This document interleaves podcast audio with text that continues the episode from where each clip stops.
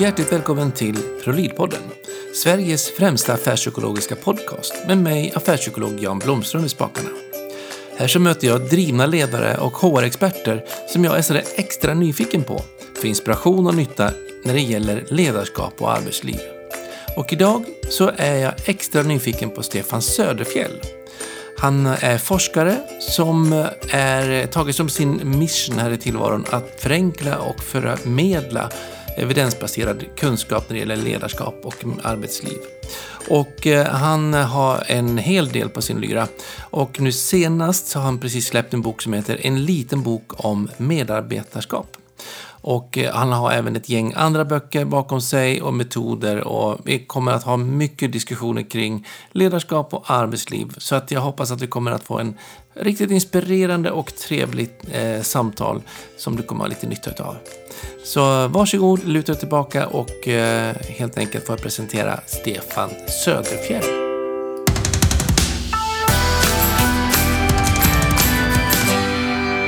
Hjärtligt välkommen till ProLid-podden säger jag till Stefan Söderfjell. Hjärtligt tack. En riktigt driftig man i dina bästa år som jag är jättenyfiken på.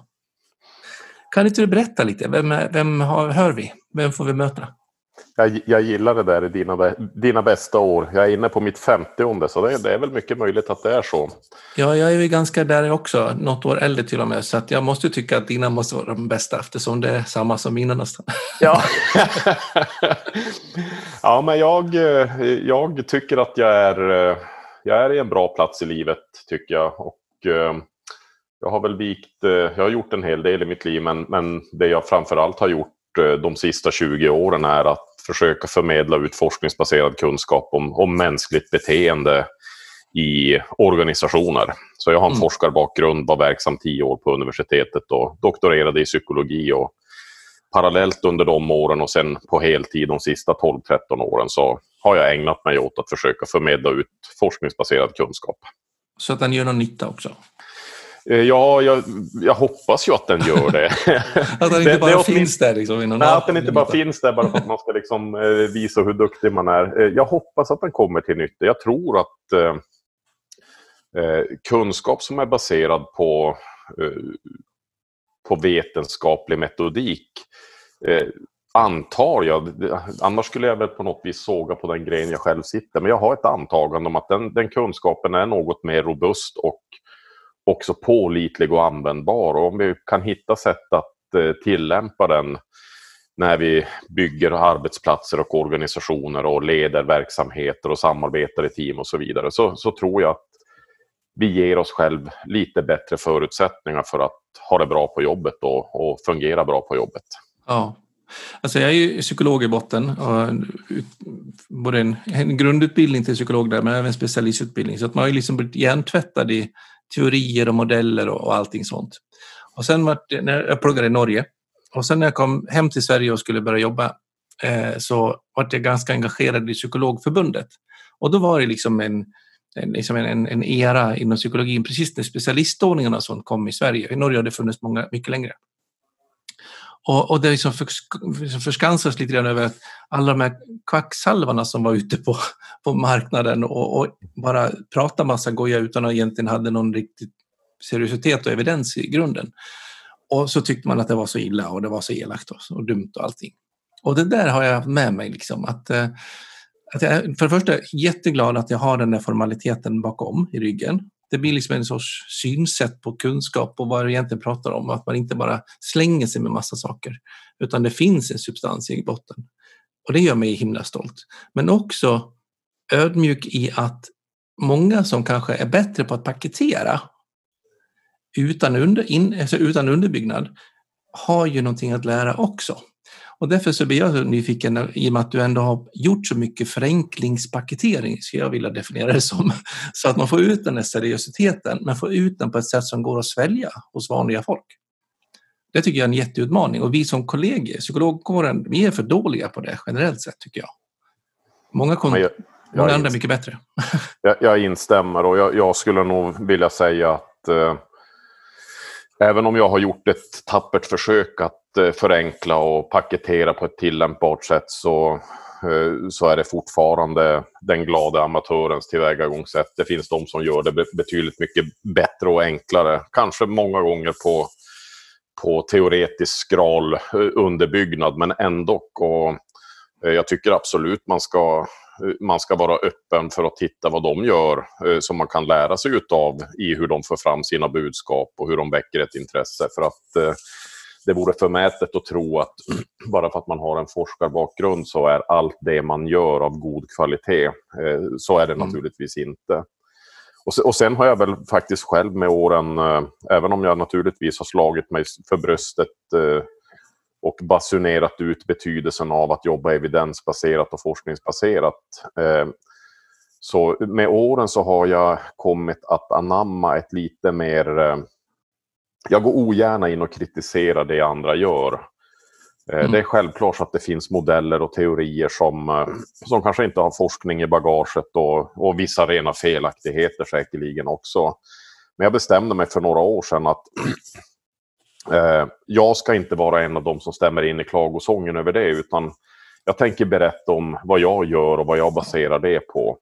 Eh, och om inte jag gör det tillräckligt bra ja då kommer folk att gå och lyssna på andra röster som kanske presenterar andra teorier. Och då är det jag som får fundera på hur ska jag presentera det mitt på ett bättre, mer tillämpat, tilltalande sätt istället för att hålla på att slå ner på andra. Och ja, det kändes ganska skönt att liksom landa i det tycker jag. Det är precis den linjen jag försöker tänka också. Hemcellerna går ut och har några direkta nedvärderande åsikter om andra. Däremot kanske man kan känna att det där skulle jag inte vilja stå för eller prata om. Men vi måste vara bättre på att ta hem det till oss själva och se hur kan vi göra så att vi, det vi tror på faktiskt når ut. Absolut, och, jag håller med dig. Det, det är ju så att eh, regelbundet så hör man ju saker och läser saker som man känner att ja, men det där det där vill inte jag förknippas med och det där skulle inte jag stå för. Eh, men jag, jag, försöker alltid då tänka, ja men vad är det jag står för och vilka är de saker jag står och förmedlar och kan jag förmedla dem på ett ännu tydligare och bättre sätt så att jag kan mm. göra att folk blir nyfiken på det och får en förståelse för det istället för att eh, bygga upp en argumentation kring vad som är fel med, med ett alternativt synsätt. Men jag tänker, då gör du någonting som jag tycker är viktigt, att man liksom verkligen tar hem frågan till sig själv och inventerar med sin eget samvete och sin egen kunskapsbank. Och sen så gör man ett eget ställningstagande. Och sen kan man stå för det. Ja. Jag tänker på, eh, det är lite märkligt till alla ni som lyssnar, att alltså man verkligen tar hem det ni står inför, landa i det, både med mage och fötter och allt vad ni landar i med för någonting och ta ställning och inte gå på den här liten eh, fällan att, att liksom hänvisa bara till andra för de andra har sagt. Utan gör sin egen uppfattning och argumentera för den. Ja, jag, jag tycker det är jätteviktigt det du säger Jan. Eh, jag tycker, ibland kan det nästan vara så att det här eh, jakten på att det ska vara evidensbaserat och forskningsbaserat, det, det, går nästan så pass långt så att vi slutar att lita på vår förmåga och våran eh, våran, eh, eh, vårt omdöme fullständigt. Eh, ja. Jag får ibland när jag håller utbildningar för exempelvis psykologer så får jag ofta eh, frågor kring, eh, ja men finns det forskning på om man lägger upp det på det där sättet och vad, vilken evidens vilar det där på? Och jag brukar ibland eh, vara lite retfull och säga, ja men hur vet du att det är god evidens att du kommer med snedbena inför ett klientmöte? Ja. Är det inte bättre att komma med mittbena eller eventuellt raka av sig håret? Vilket är det som skapar bäst allians med... Ja, men så kan man inte tänka. Ja, varför inte då? För ja. hela du och ditt uttryckssätt och det du säger kommer ju vara med och bidra till eh, eh, den samarbetsallians som du formar med den här individen. Och, och vi, vi, kan liksom inte hålla koll på precis allting. Ska vi veta om varenda fras och, och tonalitet som vi ger uttryck för är evidensbaserad, då, då till slut vågar vi ju inte varken göra eller säga någonting. Och det går säkert att få evidens på mycket mittbenor och sidobenor också. Men Absolut. vad det spelar för roll? Ja, det, det, det, det kanske visar att det är en, en uh, helt irrelevant faktor, uh, vilket det sannolikt gör. Men, ja, och skulle men, inte göra det så hjälper kanske de som gillar snedbenor bättre. Men de som gillar mittbenor, de funkar inte för det, för då ska man ha ett mittbena. Ja, men vi, har, vi är som människor, vi är ganska olika. Ja, precis. Vi är olika. Och jag, jag, tycker också att eh, det här när man jobbar med... Eh, alltså, forskning är ju, är ju ett sätt att försöka ta reda på en, en bild av hur världen är beskaffad som är så korrekt och fri från felaktigheter som möjligt. Liksom. Ja. Men, men, vi ska ju vara väldigt, väldigt medvetna om att när det gäller mänskligt beteende så är ju även den forskningsbaserade bilden extremt fylld av svarta hål och felaktigheter. Ja. Eh, och, och, Det innebär att det, det, är mycket som vi måste lämna till vår erfarenhet och vår bedömningsförmåga och våran, våra värderingar. Och, eh, även om vi jobbar forskningsbaserat så, så, är det ändå så att vi, vi kan inte liksom göra evidensbaserade bedömningar av precis varenda nyans i en situation som spelar Nej. upp sig framför oss. Och jag vet inte hur ni som lyssnar tänker, men jag tänker lite så i alla fall att forskning, den ger ju svar på gruppnivå. Däremot säger nu ingenting på hur det funkar för just Jan. Exakt, och det, det där glömmer man lätt bort eh, att eh, framförallt så, jag skriver ju böcker eh, och eh, när man skriver en bok så, till skillnad från när du skriver en vetenskaplig artikel så, mm så genar du i kurvorna lite grann. Du presenterar en teori som säger att som ledare är det bra om du är så här. Ja. I, I, en vetenskaplig artikel då, då testar de och säger att ja, men det verkar som att det är, eh, med viss eh, sannolikhet så kan vi säga att det där är bra, men det är under dessa förutsättningar och givet att det bara är de här individerna inblandade. För att om de här andra också är inblandade, då, då gäller inte det här. Då förkastar vi hypotesen. Ja, eh, och, och, riktigt så kan och då har man skriva... tappat läsaren om det var en bok. Då, då, har du tappat läsaren och det innebär att när du läser en bok då ger du nästan sken av att det här är giltigt för alla i alla situationer. Ja. Eh, men, men, forskningen inom psykologi är ju baserad på stora eh, urval av, av grupper vilket innebär att du kan göra någorlunda goda förutsägelser om beteenden på, på gruppnivå. Alltså om vi om vi utsätter 10 000 individer för den här behandlingen eller för det här ledarskapet så kommer det att eh, med den här sannolikheten bära positiv frukt. Men, ja. men för den enskilda individen så har du ganska så minimal eh, Ja, och det, och det, där måste man ju komma ihåg, tänker jag. Alltid när man jobbar med personal och, och HR-frågor och sånt där, att man behöver ha lite, en, en, en viss mängd av verktyg i verktygslådan för att kunna välja vad som passar just utifrån det personliga omdömet och, och erfarenheten i situationen. Absolut. Och, och sen är det ju för sig, eh, om du slår ut ditt beteende över tid så kommer det antagligen vara så att du är lyckosam i större utsträckning om du agerar i linje med den stora gruppens statistik. Ja, det... Eh, så att du liksom nästan har ett lite algoritmiskt tänkande att ja, jag ska på ett mer eller mindre mekaniskt sätt göra på ett visst sätt. För då, överlag så kommer det där att slå ut på ett bra sätt. Men, men det innebär ju inte att du ibland måste göra avsteg för att du har en individ som uppvisar ett helt annat eh, beteendemönster. Och, eh, och det, det, är väl det som är en utmaning, tänker jag, när vi, inte minst i ledarskapet. Eh, för då möter du, har du tio individer, det är ju tio personer som sannolikt behöver bli eh, bemött och ledd på tio olika sätt. Mm. Det är lite grann, eh, jag brukar säga att man behöver ha en viljeinriktning eller strävansmål, alltså någonting som är huvudprincip. Jag försöker åt det där hållet. Men när jag möter Lena så viker jag lite grann åt ena hållet och när jag möter Kalle så möter jag åt andra, när jag möter Mohammed så möter jag åt det tredje hållet. Så att man behöver hela tiden liksom svänga, så det är nästan aldrig i något möte man följer modellen. Men mixen av alla med bemötande blir i linje med modellen. Precis, det, och jag tycker det, tittar man på ledarskapsforskningen så, så finns det ju modeller då som, som presenterar eh, hur det är bra att agera, den här liksom principen. Liksom. Det, här, det här är oftast bra att vara på det här sättet. Ja. Men, men det, det, finns ju också mycket forskning som visar på att sen måste du ändå vara medveten om att varje chef och medarbetare formar en, en delvis i alla fall helt unik samarbetsrelation. Mm. Vilket innebär att du måste ändå göra en liten anpassning i hur du kommunicerar och agerar och förhåller dig gentemot den här individen. Baserat på hans eller hennes beteendemönster och behov och intressen och kompetenser och så vidare. Ja.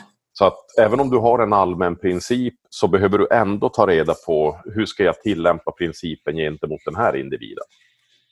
Jag var på ett uppdrag här för inte så länge sedan och då sa de att ja, vi känner så här. Någonting sånt där. Och då kontrade de och sa nej, det känner man inte på fas 2 det, man, det stämmer inte med modellen, så då får nej, vi känna på det sättet. Jag tänkte, nej men alltså nu, nu vi nog backa här lite. ja, precis. Ja, det är ganska skönt att jobba med människor och beteenden. Eller hur? Men man får ju tuppjuk med jämna mellanrum, men det, det hör till och det är det som är en del av skärmen. Ja, man kan undra också hur många som får tuppjuck på en, på en själv. Det är väl det det gäller att komma ihåg. Det tror jag ihåg. aldrig har hänt. Det har aldrig hänt dig, Nej. Nej. Mig händer det regelbundet.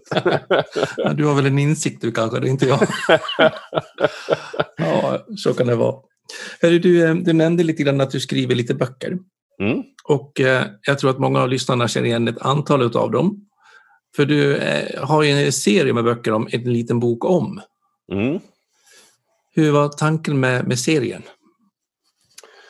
Eh, från början så var det nog ingen tanke utan det där växte fram. Eh, jag, eh, jag och min kollega Kristoffer Svensson eh, skrev en... Eh, vi hade en tanke om att vi ville skriva av oss om forskningen på mål för att vi, vi upplevde dels att vi inte hittade någon eh, populärvetenskaplig, åtminstone inte på svenska, bok som sammanfattar vad säger egentligen forskningen på mål. Mm. Och vi upptäckte också att eh, eh, tillvägagångssättet som många organisationer jobbar med mål och målstyrning och målarbete eh, hade en hel del, lämnade en del att önska eh, om man jämför det med vad forskningen säger om mål och hur mål bör vara beskaffade och hur man bör jobba med mål.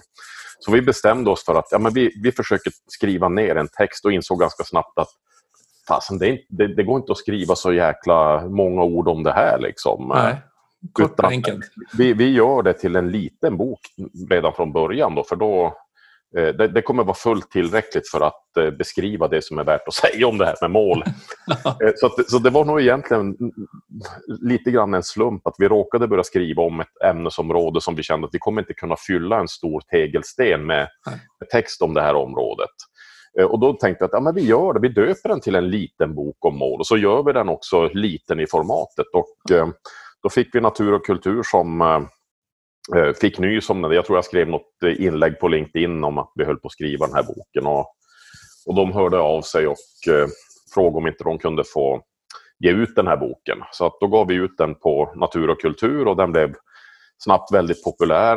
Eh, och eh, eh ganska snart så hade vi börjat prata om att ja, men fasen, vi kanske skulle ge ut några fler sådana här böcker. Så att, ja. min kollega Kristoffer skrev en bok om personalurval då, som sammanfattar eh, forskningen på urvalsmetodik när du ska testa folk i samband med rekryteringar.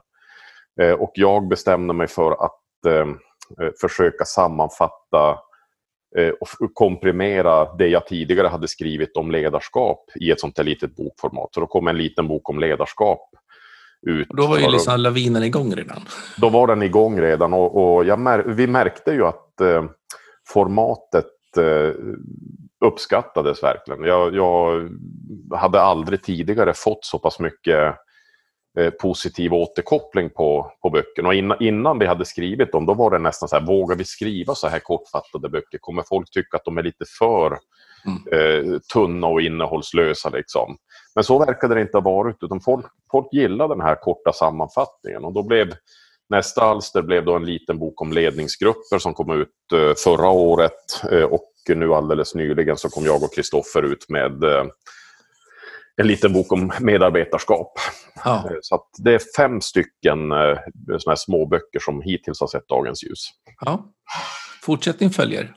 Spännande. Jag tror det. Vi, vi, har, vi har en del påbörjade manuskript men vi, vi får se när det kan bli läge att sätta fart i något, något nytt projekt. Ja. Och jag är ju då lite extra nyfiken, eller jag är nyfiken på alla böckerna såklart, men, men på den senaste är ju mm. alltid nyhetsvärde. Eh, och eh, då medarbetarskap då på, vad, vad, säger liksom forskningen kring det och vad, vad, vad, är, vad kom ni fram till? Eh, ja, initialt så, så blev vi lite modfällda för att eh, när du börjar söka på begreppet medarbetarskap och, och, försöker liksom hitta någon engelsk motsvarighet, för att all forskning i stort sett är publicerad på engelska, mm.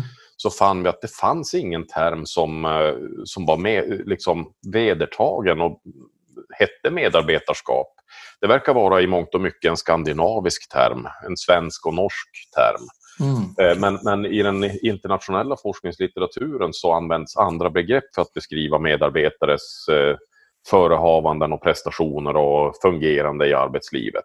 Mm. Man pratar om followership och man pratar om eh, work performance och task performance och proactive performance och mm. counterproductive work behaviors och organizational citizenship behaviors och adaptivity. Och det är liksom en, en rik flora på, eh, på begrepp som, eh, som används för att beskriva goda medarbetarbeteenden. Eh, och Som... antalet publikationer är ju enorm. Eh, ja. Men, men eh, när du, du, du, initialt så fick vi nästan en känsla att det finns ingenting skrivet om det här. Tills vi då började inse att nej, men det, det är klart det gör, det är bara det att man har använt andra begrepp. Ja. Och, då, och då framträder ju naturligtvis en bild som, som visar att goda medarbetarbeteenden är ju, är ju naturligtvis precis lika viktiga som goda ledarbeteenden i en verksamhet. Och, mm. eh, de, är så, de är så pass självklara så vi tar dem ibland för givet.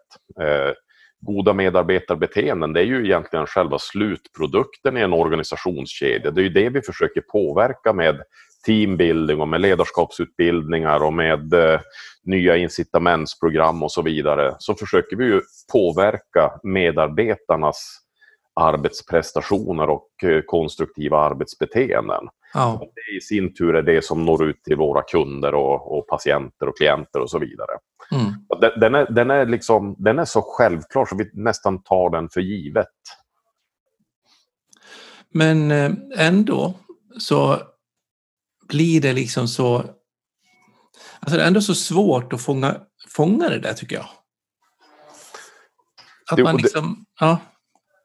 Jo, men det, det, är det. Och det, det, är ju så mycket naturligtvis. Eh, eh, och det in, vi, vi, utgick ifrån en, en modell eh, som föreslogs för en 10-15 år sedan av en, en amerikansk forskare som heter Griffin. Jag minns inte förnamnet, men vi tyckte det var väl den modell och det ramverk som fångade in flest av de här olika eh, subdimensionen av medarbetarbeteenden. Och, ja. och eh, den har vi haft som utgångspunkt för hela boken. Då, eh, för att den, den ger liksom ett, en ganska bra bild av det breda spektrat som medarbetarskap är. Ja. Och, och den gör också att man förstår komplexiteten i medarbetarskap. För du kan agera på ett väldigt bra sätt Eh, och det, det liksom uppskattas av en eller ett par intressentgrupper men, men det är inte alls önskvärt av någon annan. Och det är det som blir eh, utmaningen i, i kråksången. Eh, att veta liksom, vad är rätt sätt att göra i varje given situation. Ja, och jag tänker också att man måste ju någonstans också definiera vad som man vill ha. För att om det är så att jag vill ha lite så här personal som, eller medarbetare som bara följer chefen och lyder order, men då är det en typ av beteenden som är det braiga. Mm. Är det så att jag vill att eh, tänk själv, kom med idéer, alltså vara medskapande, eh, men då är det en helt annan beteendeuppsättning. Absolut. Man, man, så som vi beskriver eh, medarbetarskap så är det ju då överlag så handlar ju medarbetarskap om hur du förhåller dig eh, till dina arbetsuppgifter, alltså vad du gör av dina faktiska arbetsuppgifter. Ja. Det skriver också hur du är som arbetskamrat, alltså hur är du att samarbeta med andra eh, människor? Hur bidrar du till eh, samarbetet och klimatet, liksom det sociala klimatet på din arbetsplats? Och hur är du som arbetstagare, alltså på vilket sätt representerar du din arbetsgivare? Ja. Bidrar du på ett positivt förtjänstfullt sätt till till arbetsgivarens varumärke eller agerar du på ett sådant sätt så att du drar arbetsgivarens varumärke i sank? Mm. Så, så det är det första som är viktigt att veta, liksom att det, ja, men det tar sig uttryck på, på de här tre olika nivåerna. Eh, men det tar sig också uttryck i tre olika kluster av eh, beteendemönster. Ja. Där pålitlighet kanske då är att tangera lite grann av det som du beskriver. Det vill säga att vi agerar i linje med de förväntningar som, som presenteras för oss. Du ja. förväntas att, eh, eh, ansvara för det här projektet. Du förväntas att nå de här målen. Du förväntas att utföra de här arbetsuppgifterna och rapportera till den här individen. Du förväntas att eh, vara närvarande på möten och så vidare. Och Det beskriver vi då som pålitlighet, alltså i vilken utsträckning du efterlever eller kanske rent av överträffar de mer eller mindre formella förväntningar som finns på dig. Mm. Eh, men sen beskriver vi då två andra typer av eh, eh, medarbetarbeteenden som är precis lika viktiga och framförallt så är de viktiga i verksamheter som inte är statiska utan som, som förändras. Så, så som i stort sett alla verksamheter av idag ja. är beskaffade. Och den första av de här den, den avser din villighet att anpassa dig till eh, förändring när det krävs att, du för, att man liksom anpassar och gör förändringar i sitt beteende för att annars kommer ni inte att lyckas eh, fortsätta bedriva er verksamhet eller annars kommer ni tappa era kunder eller annars kommer konkurrenterna gå om er. Liksom. Ja. Så, och det kallar vi för adaptivitet, att du visar att du inte stångar pannan blodig för att fortsätta göra som du alltid har gjort, utan du, du visar på prestigelöshet och visar att jag, jag kan absolut tänka mig att, att göra på ett annat sätt. Och jag, jag, visar, jag, jag är beredd att visa att jag ska prova jobba enligt de här nya direktiven. Jag brukar, kalla, den, jag brukar kalla det för att man behöver vara rädd när man går till jobbet. Eh, att man liksom funderar på vad har våra konkurrenter kläckt för smart idé i natt medan jag låg och sov som gör att vi måste ställa om. Ja, precis. Det, det, det, det, är ju lika bra att ha den inställningen för att eh, konkurrenterna de tänker ju naturligtvis en massa kloka tankar hela tiden. Och, och eh, om, om vi liksom envist hänger fast vid ett befintligt sätt att göra saker och ting på så är ju risken att, att vi blir omsprungna. Mm. Så att, och, och sen har du den tredje dimensionen då, det är Eh, förändring som du själv som medarbetare initierar. Inte därför att det kanske går fullständigt åt skogen om ni inte gör en förändring, utan du har en idé om att ah, vänta nu, här skulle man kanske kunna testa att göra på det här sättet. Undrar om inte det skulle gå lite fortare eller undrar om inte det skulle kunna hjälpa kunden att lösa problemet på ett smartare sätt om vi gjorde så här. Och Det kallar vi för proaktivitet, alltså att du mm. vågar testa nya idéer, du vågar kläcka nya idéer, du vågar eh, framföra förslag på att ska vi inte testa att göra så här? Och du vågar kanske också dra i handbromsen och säga vänta nu, jag tror att det här är ett, ett ogenomtänkt beslut. Mm. Kom och titta hur det ser ut i verksamheten. Jag tror inte vi kommer kunna implementera det givet eh, det medarbetarklientel vi har idag eller den maskinpark vi sitter på idag. Eller, mm. Eh, materialet håller inte. Liksom. Det håller inte och, och, då är det ju proaktivt att faktiskt eh, väcka uppmärksamhet om att Eh, jag, jag, befarar att det blir dåligt om vi genomför den här förändringen eller om vi eh, implementerar det här beslutet. För att jag tror inte att alla liksom, viktiga parametrar i det här har beaktats. Eh. Och har man utvecklat den beteendet bra på en arbetsplats då är det mycket tryggare att vara ledare också. Ju.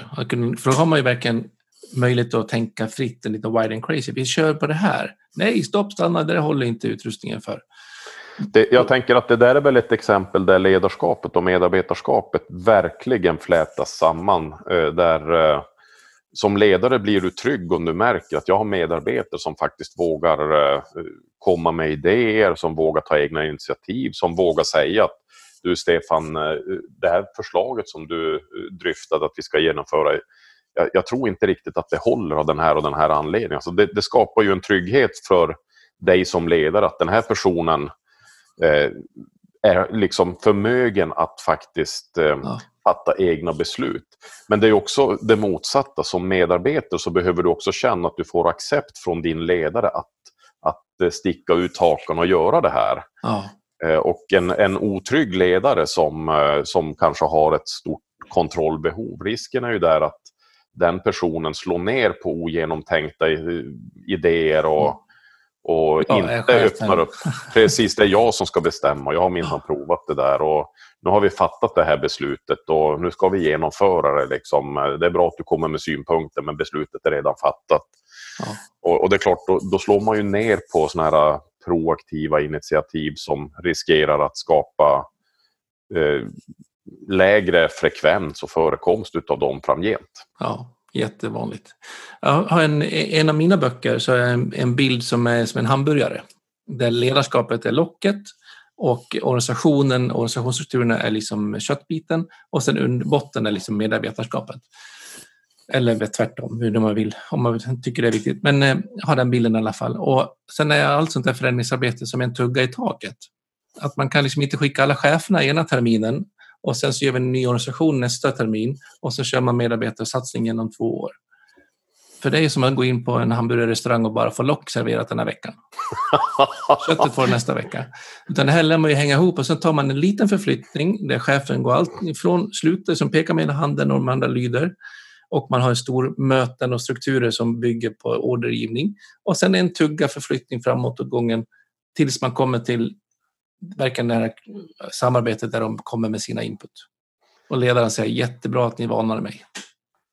Jag tyckte det var en jättebra liknelse Jan faktiskt. Och eh, jag har, jag har eh, själv tänkt den där tanken många gånger. Samtidigt ska jag faktiskt eh, självkritiskt erkänna att jag har också vid, vid flertalet tillfällen eh, varit med och implementerat den här liksom, ja, vi börjar med ledarskapsutveckling och sen börjar vi med någonting annat och så istället för att tänka att nej, vi, vi måste göra allting, vi måste liksom försöka aktivera eh, all, alltså, vad det handlar om det är ju ett extremt komplext socialt system där människor eh, byter erfarenheter och samverkar, koordinerar insatser, kommunicerar.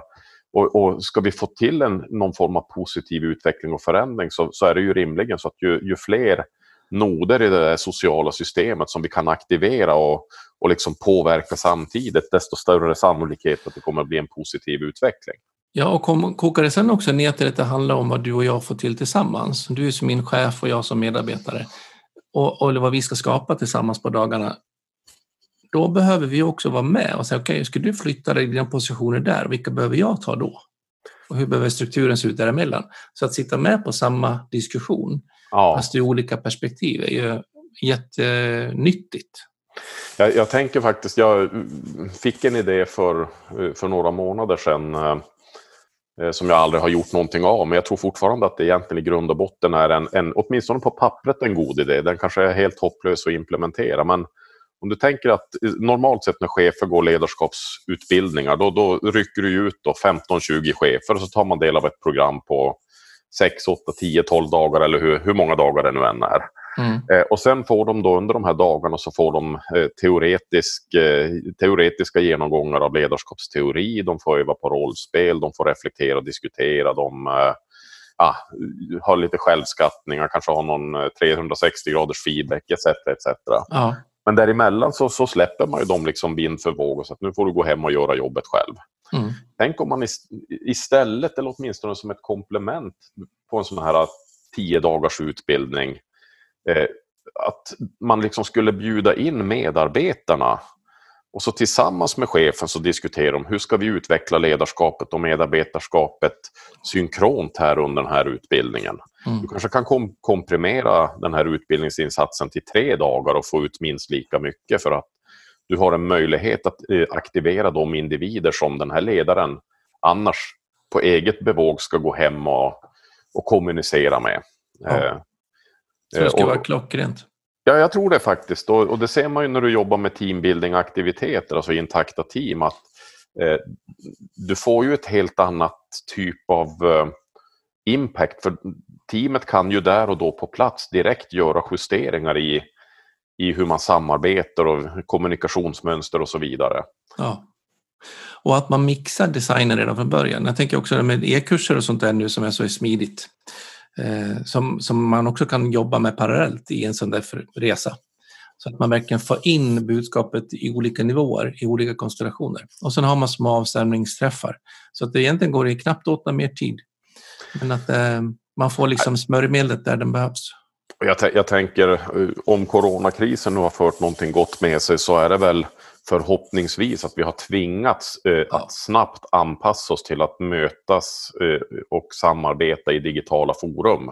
Mm. Eh, det är ju egentligen ganska skrämmande och patetiskt att det ska till liksom en, en eh, global pandemi för att vi ska kunna... För den här tekniken fanns ju såklart innan. Eh, det har ju funnits i flera år. Ja. Möjligheten att samarbeta via Zoom och Teams och liknande. Eh, men eh, det jag tror att man kommer att inse nu, som jag inser, liksom, det är att ja, det, det mesta som man gör i samband med ledarskapsutveckling och teamutveckling och medarbetarskapsutveckling, det går, det går ju i stort sett lika bra att göra det i det här forumet. Ja, och i vissa avseenden nästan ännu bättre. Ja.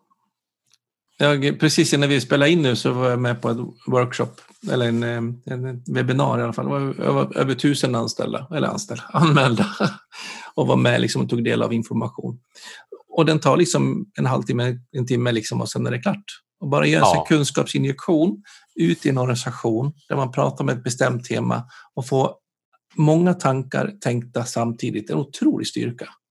Ja, det är ju ett fantastiskt. Jag vet inte om du har läst boken Team of Teams av eh, Stanley McChrystal. Eh, han var högste befälhavare i, eh, efter 11 september när man skulle jaga rätt på Osama bin Laden och, och spränga al-Qaida och du hade den här jordanska terroristen al-Sarkawi som man, som man jagade.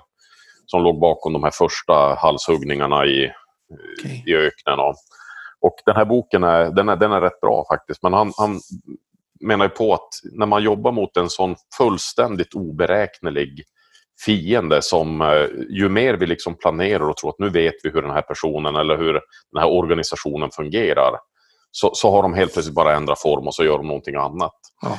Och, och, då beskriver han liksom frustrationen i det där men, men också eh, olika tillvägagångssätt som de hade för att mobilisera kraften hos alla eh, soldater som då var utspridda över ganska stora geografiska ytor. Och en var att de varje morgon hade ett eh, videomöte där eh, flera tusen individer medverkade varje morgon på de här videomötena. Ja. Att de fick en och samma lägesbild varje morgon. Ja. Eh, och, eh, och det här var ju, alltså det här är ju rätt länge sedan. Det här är mm. ju eh, 2000 2, 2003. Det var ju då eh, det här begav sig. Och, eh, innan det var stabila nätverk. Innan det var stabila nätverk. Liksom. Och, och nu börjar vi förstå att, ja, men vilka, vilka möjligheter som finns. att liksom, Folk kan sitta i, i, i bilen liksom, någonstans och koppla upp sig och vara en del av det här. Och Vi kan skapa små grupprum där vi kan snabbt gå ut och diskutera i smågrupper och sen komma tillbaka i storgrupp. Och... Så det, det är ju helt fantastiskt. Och just att få tempot upp så att inte det blir en klick på 15 stycken som får sitta tio dagar i ett konferensrum och tro att det är där magin ska ske. Den sker ju alltid hemma i vardagen. Och ju mer vi kan göra lite kunskapsinjektioner i vardagen så händer det ju, det får ju grogrund på en helt ja. annan plats. Ja, det här, vi, vi, kommer att få, vi kommer att diskutera vid fler tillfällen tror jag, vid sådana här. Ja, det får det ska bli spännande att se. Ja. du, en liten annan sak också som jag är lite nyfiken på, för det här ska vi kunna fördjupa oss så mycket som helst i. Men du skriver i boken lite grann också om, om tillit och tillitsbasering. Mm. Att man ska känna tillit till som medarbetarskapet och vara trygg. Och då ligger det nära till hands som arbetsglädje. Mm. Ja, nu kanske var lite lång koppling ändå, men ändå. Eh, att det är viktigt att trivas och känna sig trygg på jobbet. Eh, och min erfarenhet är att många gånger så sätter man likhetstecken med att det viktigaste, att målet måste vara att trivas på jobbet. Har, mm. har man trivsel på jobbet så är vi i hamn. Mm. Och i min värld så är trivsel på jobbet ett medel för att uppnå effekten mm. i verksamheten. Och där brukar man inte vara så populär när man säger. För så mitt, det viktigaste är inte att ni trivs, det viktigaste är att ni presterar. Hos mig blir du populär, för jag håller precis med dig och jag tycker att eh Eh, jag, jag, har möjligen eh, varit en av dem som lägger mer vikt vid att vi liksom ska adressera psykologiska önskvärda tillstånd snarare än önskvärda beteenden. Vi ska, vi ska se till att folk är motiverade. Vi ser just nu en stor rörelse för att vi, folk ska vara engagerade. Vi ska jobba med att vi ska vara nöjda och tillfreds med jobbet. Mm. Ja, men självklart, det är väl jättebra om vi upplever positiva psykologiska och känslomässiga tillstånd. Men vi får inte glömma att vi är på vårt jobb för att utföra allehanda specificerade uppgifter med en viss kvalitet och kvantitet. Det finns en medborgare eller finns en marknad, en kund som har beställt något, har ett behov av något och arbetsgivaren ska leverera det. Då måste man anställa någon som säger, du kan du vara med och hjälpa leverera det där? Ja. Du får den här lönen för det. Och så gör man en deal, en affärsuppgörelse och då kan jag gå in till dit och säga, du jag har lust att leverera något annat. Jag brukar jämföra med restaurang, för det ju så påtagligt. För jag tycker våra psykologiska beteende är så flummigt jämt. Eh, men på restaurang, om du jobbar på en köttrestaurang eh, och sen så kommer någon in och beställer en entrecote. Och sen så kommer beställningen ut på köket och så tänker jag, ja, men jag har nog ingen lust att göra det. Jag, känner, jag tycker det känns bättre att göra fisk idag. Mm. Och så gör man fisk och sen kan det vara världens bästa jäkla fiskrätt man gör. Men kunden kommer inte vara nöjd. Restaurangen kommer gå konkurs. För de kommer inte vilja betala för fisken, för de har beställt en entrecote. Och det där tycker jag många chefer har jättesvårt att våga möta upp. Mm. När medarbetaren, för att kunna trivas och vara motiverad, får liksom utrymme att göra något annat än vad egentligen jobbet är. Mm. Ja, men jag, jag håller, när jag beskriver ledarskap så, så, brukar jag förklara att ledarskap handlar egentligen om att fullgöra två funktioner. Eh, och den ena utav dem det är att verkligen klargöra förväntningar. Vad mm. förväntas du eller ni som arbetsgrupp att leverera i termer av beteenden, prestationer, resultat, uh, uh, you name it. Uh, och Eh, här, här, eh, den, den, kan lätt misstolkas som att ja, men det handlar då om att du ska stå med utsträckt arm och gapa så att håret står baklänges hos folk. Liksom. Du ska tydliggöra i detalj vad de ska göra. Mm. Nej, du ska fullgöra funktionen så att det står klart och tydligt för var och en. Det här är vad jag ska göra. Och det kan innebära att du har ett samtal, en väldigt stor delaktighet där ni kommer överens om mm. eh, att Eh, nej, men vi, vi fattar ett gemensamt beslut att vi ska servera fisk istället för entrecote. För att vi ser att det är den linjen vi ska eh, välja. Liksom. Medarbetarna kanske kommer med väldigt goda argument för att, att det är så. Ja, nästa eh, men, men hjälps åt att klargöra och kommit överens om att det här är okej. Okay. Ja. Men, men, du får aldrig liksom glömma att eh, det måste stå klart och tydligt vad förväntningarna är. Mm. Och sen när de är eh, tydliga, ja då, då, behöver du ju naturligtvis på olika sätt försöka förmå medarbetaren att agera i linje med uppställda förväntningar. Och i den mån man inte gör det, ja då behöver du ta tag i den här personen och säga men vänta nu, det var inte så där vi skulle göra. Nej. Och i den mån man gör det så behöver du på olika sätt visa att du har sett att det var eh, precis det ni kom överens om och du behöver förstärka det önskvärda beteendet. Mm. Eh, men eh, det, det, är fortfarande det beteenden det handlar om. Ja. Eh, och sen kan det finnas olika tillvägagångssätt att ta sig dit. Och det är klart att eh, det, det, det, är betydligt trevligare och mer behagligt om jag kan få medarbetare att känna lust och engagemang för de önskvärda beteendena, att de ska känna tvång och och krav för dem. Ja. Så därför får jag försöka presentera önskvärda beteenden på ett sådant sätt så att det eh, väcker lust och engagemang. Och jag får mm. försöka förklara varför det är viktigt att vi gör på ett visst sätt. Och, och jag får försöka att på ett positivt sätt ge återkoppling och visa liksom det där var jättebra gjort. Liksom. Mm. Så, att jag, så att jag försöker skapa positiva känslor hos den här individen när vederbörande utför sina arbetsuppgifter. Men det, det är viktigt ändå att komma ihåg att det viktigaste är det faktiska beteendet, att, att arbetsuppgiften blir utförd. Ja, och då nämner du en liten sak i förbifarten där som jag tycker är nästan det viktigaste det du sa. Det är att man markerar att det där var inte vad jag ville ha. Det, var, det där var inte vad jag förväntade mig. Mm. För går du in och köper en t-shirt, en XL-storlek, så kommer du hem och så märker du att de har stoppat i en X-small. Vad gör du då? Ja, eh, om jag går till mig själv så är väl risken att jag är så jädra lat så jag tänker att ah, vad fan, jag får köpa en större nästa gång. Men, men eh, om jag tänker hur jag borde göra så, ja. så sätter jag mig i bilen, åker tillbaka och så förklarar jag att eh, jag har ju fått en t-shirt som jag inte har betalat för. Ja, Kanske du gör det om det är en dyr kostym eller något. Ja, precis. En t-shirt kanske var värt, det kostar mer bränslepengar. Eh, men det är någonstans att det är ganska enkelt att vi någonstans reklamerar varan om vi gör en affär. Det tror jag alla ni lyssnare också känner att man gör. Liksom att får man inte det här bestället kommer man tillbaka och säger du, det här var inte vad jag, du stoppade i fel i påsen. Eller det var en litet hål, jag vill ha avdrag i priset. Nu kan vi inte begära löneavdrag när beteenden på jobbet inte funkar. Men vi behöver, tror jag, det är för min övertygelse att vi är alldeles för dåliga på att göra avvikelsemarkeringarna. Ja, jag håller på, med om, om vi har tur så är vi duktiga på att tala om vad vi vill ha. Men om man inte levererar det som ska göras på jobbet så är vi urdåliga generellt sett att tala om att hallå, det där var en avvikelse. Och jag, jag, skulle säga att det är en av de viktigaste aspekterna av ledarskap. Ja. Eh, jag, jag, när jag skriver om ledarskap och utbildar i ledarskap så utgår jag ifrån en, en ledarskapsmodell som heter Full Range Leadership Model. Och den presenterar då olika eh, beteendemönster eller strategier, tillvägagångssätt som du kan eh, utöva ledarskap på. Och en av dessa är då något som kallas för management by exception eller avvikelsebaserat ledarskap. Mm. Eh, och avvikelser är ju ofrånkomliga. De är både avsiktliga och oavsiktliga. Ja. Och avsiktliga eh, avvikelser, de måste vi visa att vi tydligt markerar. Det där är inte ett acceptabelt beteende. Vi behöver komma till rätta med så att det inte inträffar igen. Ja. Sen har du alla de här oavsiktliga avvikelserna där människor råkar göra fel eller det blir misskommunikation.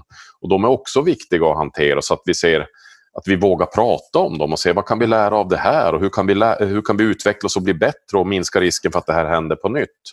Ja, för det... ja. Beroende på kvaliteten med hur du adresserar och hanterar de här avvikelserna så kan du ju få endera jättepositiva konsekvenser. Men det kan också bli någonting väldigt negativt där människor blir rädda för att göra fel och, och börja spela safe. Ja. Att, eh, en, en, en bra avvikelsehantering det är ju ett av de viktigaste liksom, förhållningssätten i ledarskapet. Och en bra avvikelsehantering blir det ju när man tar fram den i dagsljuset och jobbar med den. Absolut. Att, att skjuta under mattan, det är det värsta du kan göra. Ja, och då blir man i alla fall och måste ta itu och då gör man det, för då är det så ringrostigt när man väl gör det så att det blir på ett dåligt sätt och så blir folk rädda istället. Ja. Jag brukar jämföra med nästan alla bilar idag, i alla fall lite nyare, Eh, har ju sådana här av, av, filhanterarsystem, så att man håller sina bil, sin bilfil.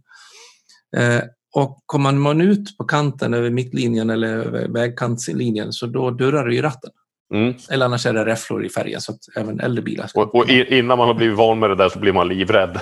Ja, men precis. ja. Men syftet är ju gott och säkert för att inte vi ska köra ihjäl oss. Och det här är egentligen samma sak. Det finns ju någon vägbana som förväntas hur, hur vi ska bete oss på jobbet. Alltså var ska jag köra? Hur ska jag bete mig på jobbet?